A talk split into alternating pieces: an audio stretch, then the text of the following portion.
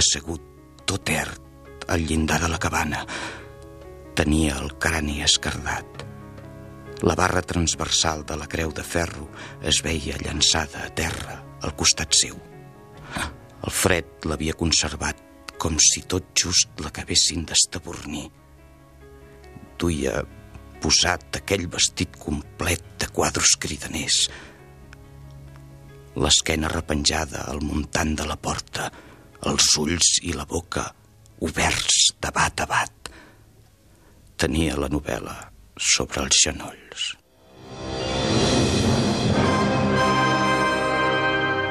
Catalunya Ràdio presenta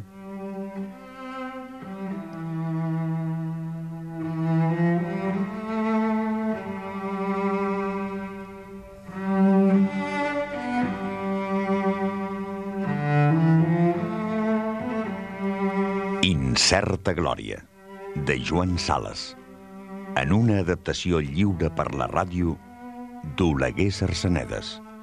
Muntatge Ramon Albero. Direcció Juan Germán Schroeder.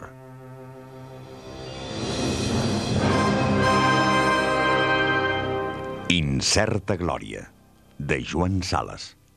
Una producció de Catalunya Ràdio amb el suport del Departament de Cultura de la Generalitat de Catalunya.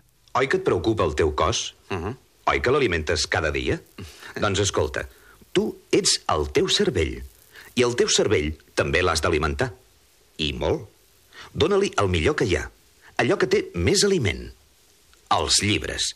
Tenen vitamina A, B, C, D, E, F, G, i així totes, fins a la X, la Y i la Z. Alimenta el teu cervell. Llegeix llibres. Catalunya. Endavant amb la cultura. Capítol 80. I tot va començar un diumenge.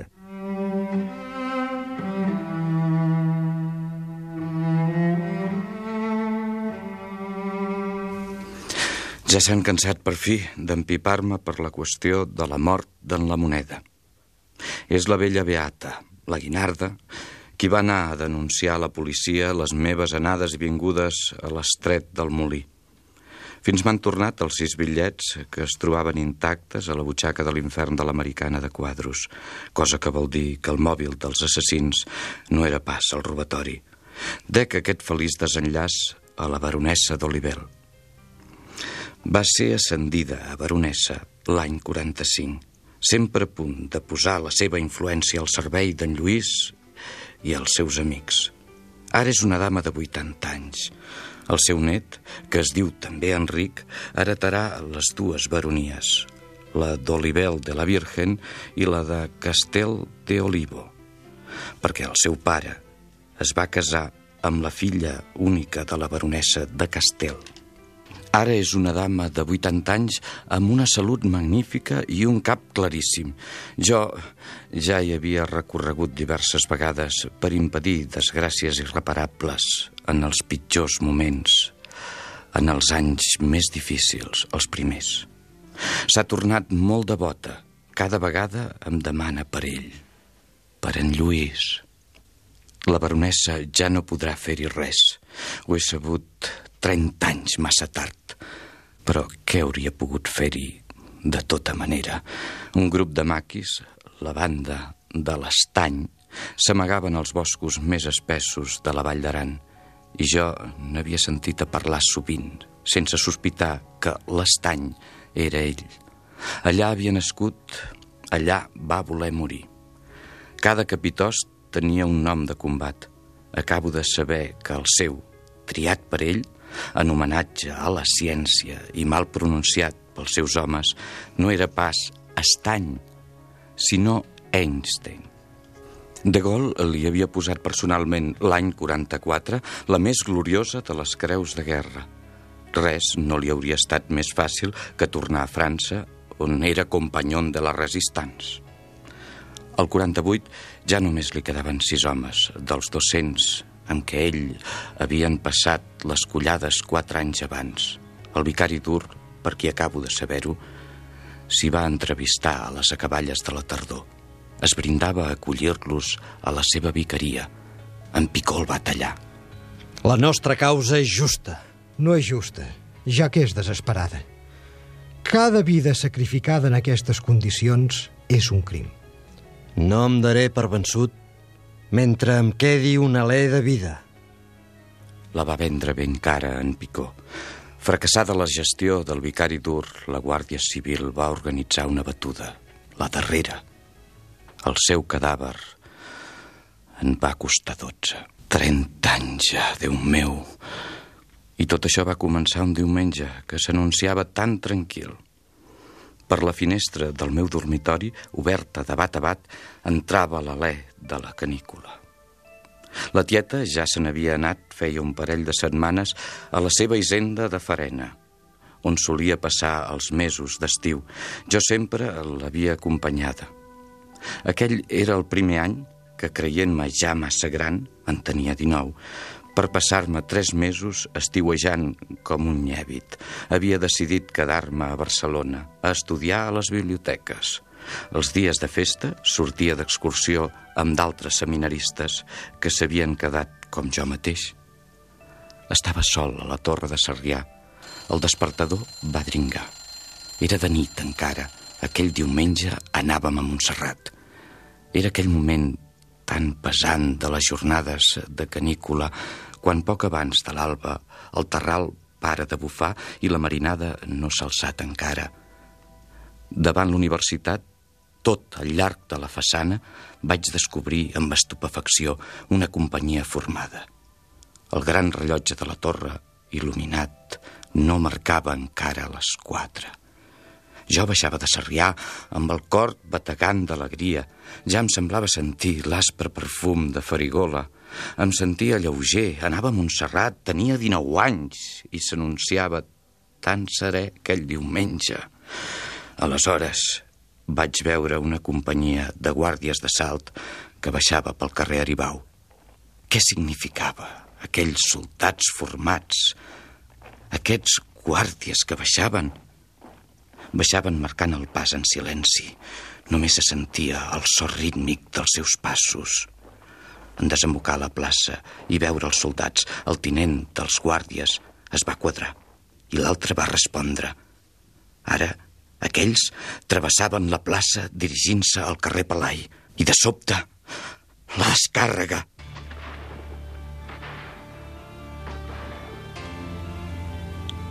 Em vaig amagar darrere un arbre. No hi comprenia res. Els guàrdies havien caigut i cridaven. Els altres ja responien amb les terceroles.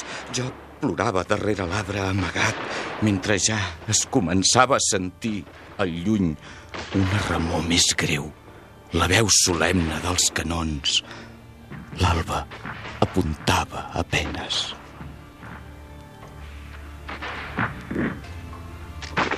Corria d'aquí i d'allà, excitat, assedegat de notícies.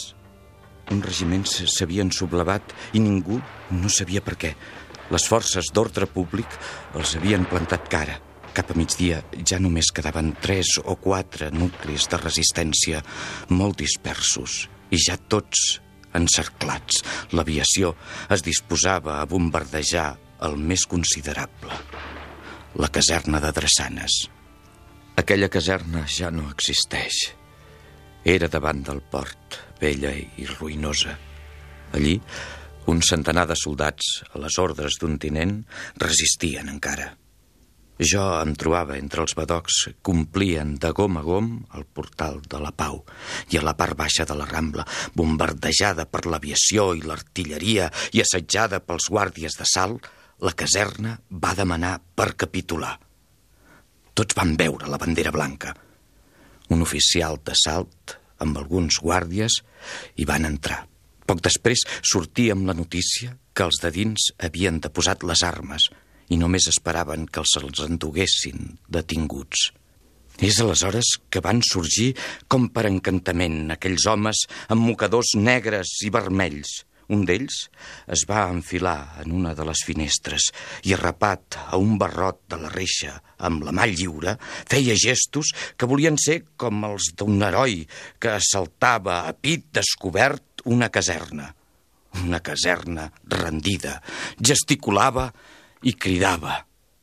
Els seus companys responien amb altres crits i alçant el puny clos.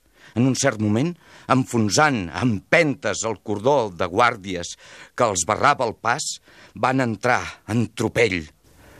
Vam saber després que havien fet una matança. Recordo aquells camions que recorrien la ciutat, carregats d'homes que cridaven rítmicament qui eren, d'on sortien. Ells mateixos escampaven la seva llegenda. Eren ells, deien, que havien vençut. Ells, sense armes, a pit descobert, havien pres metralladores i canons. Anaven passant camions i la gent aplaudia. Jo mateix. Jo aplaudia també. Jo, que no obstant, havia vist amb els meus ulls els guàrdies i res més que els guàrdies plantar cara. Era tan irresistible la llegenda. La sarabanda s'anava fent més i més delirant. A la caiguda de la nit eh, ja no vèieu més que camions amb banderes negres i vermelles passant i repassant pels carrers. Aquell crit rítmic ho dominava tot. La febre pujava. Barcelona era d'espari. S'hi començava a barrejar la fator més i més intolerable dels cavalls rebentats del dia abans, encara escampats a la plaça de Catalunya, però un altre fator s'insinuava, subtil, en aquell aire calent i carregat de fum i de pols, una fator sorneguera, com la d'una carronya amagada. Ens començàvem a mirar els uns als altres amb una malfiança creixent. Què significava tot això? On volien dur-nos? Jo corria d'aquí, d'allà, respirava amb una mena d'asma aquell aire que s'afeixugava de nora en hora. La camisa xopa de suor se m'enganxava a l'esquena i ja no comprenia res però m'emborratxava. La història emborratxa. Tot era calent i tèrbol, grandiós i horrible. I és en nom de l'abolició de la pena de mort que es van fer aquelles horribles matances.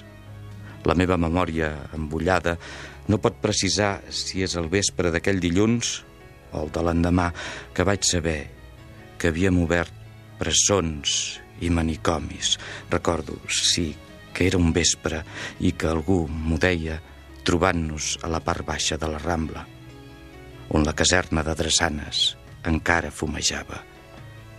I si n'hi havia d'aquells escapats dels manicomis i les presons, si n'hi havia a la Rambla aquell vespre, tot plegat era com un mar escumós. I vet aquí, que apareixien pancartes com banderes de nàufrags que flotessin a la deriva. En aquelles zones agitades, «Viva el amor libre», deia una. Unes dones l'enarbolaven amb els cabells rapats, vestits d'home i armades de fusells. L'amor lliure. Vaig demanar a una d'elles qui els havia donat aquells fusells. ¡Los hemos tomado! Igual resposta em van donar uns xicotets d'entre 12 i 15 anys. I anava veient el cor de la ciutat miserables vinguts del cinturó de barraques, pobres diables, a qui havien disfressat amb aquells mocadors com haurien pogut disfressar-los de tot el contrari, o sigui, del mateix. Els mateixos que després, al llarg de tants anys, tantes altres vegades hem vist acudir a no importa què sempre en multitud i amb els mateixos colors, vociferant d'entusiasme. Heu escoltat el capítol 80 d'Incerta Glòria, de Joan Sales, amb les veus de... Cruells, Enric Major. Picó, Enric Cosí. Vicari, Enric Serra.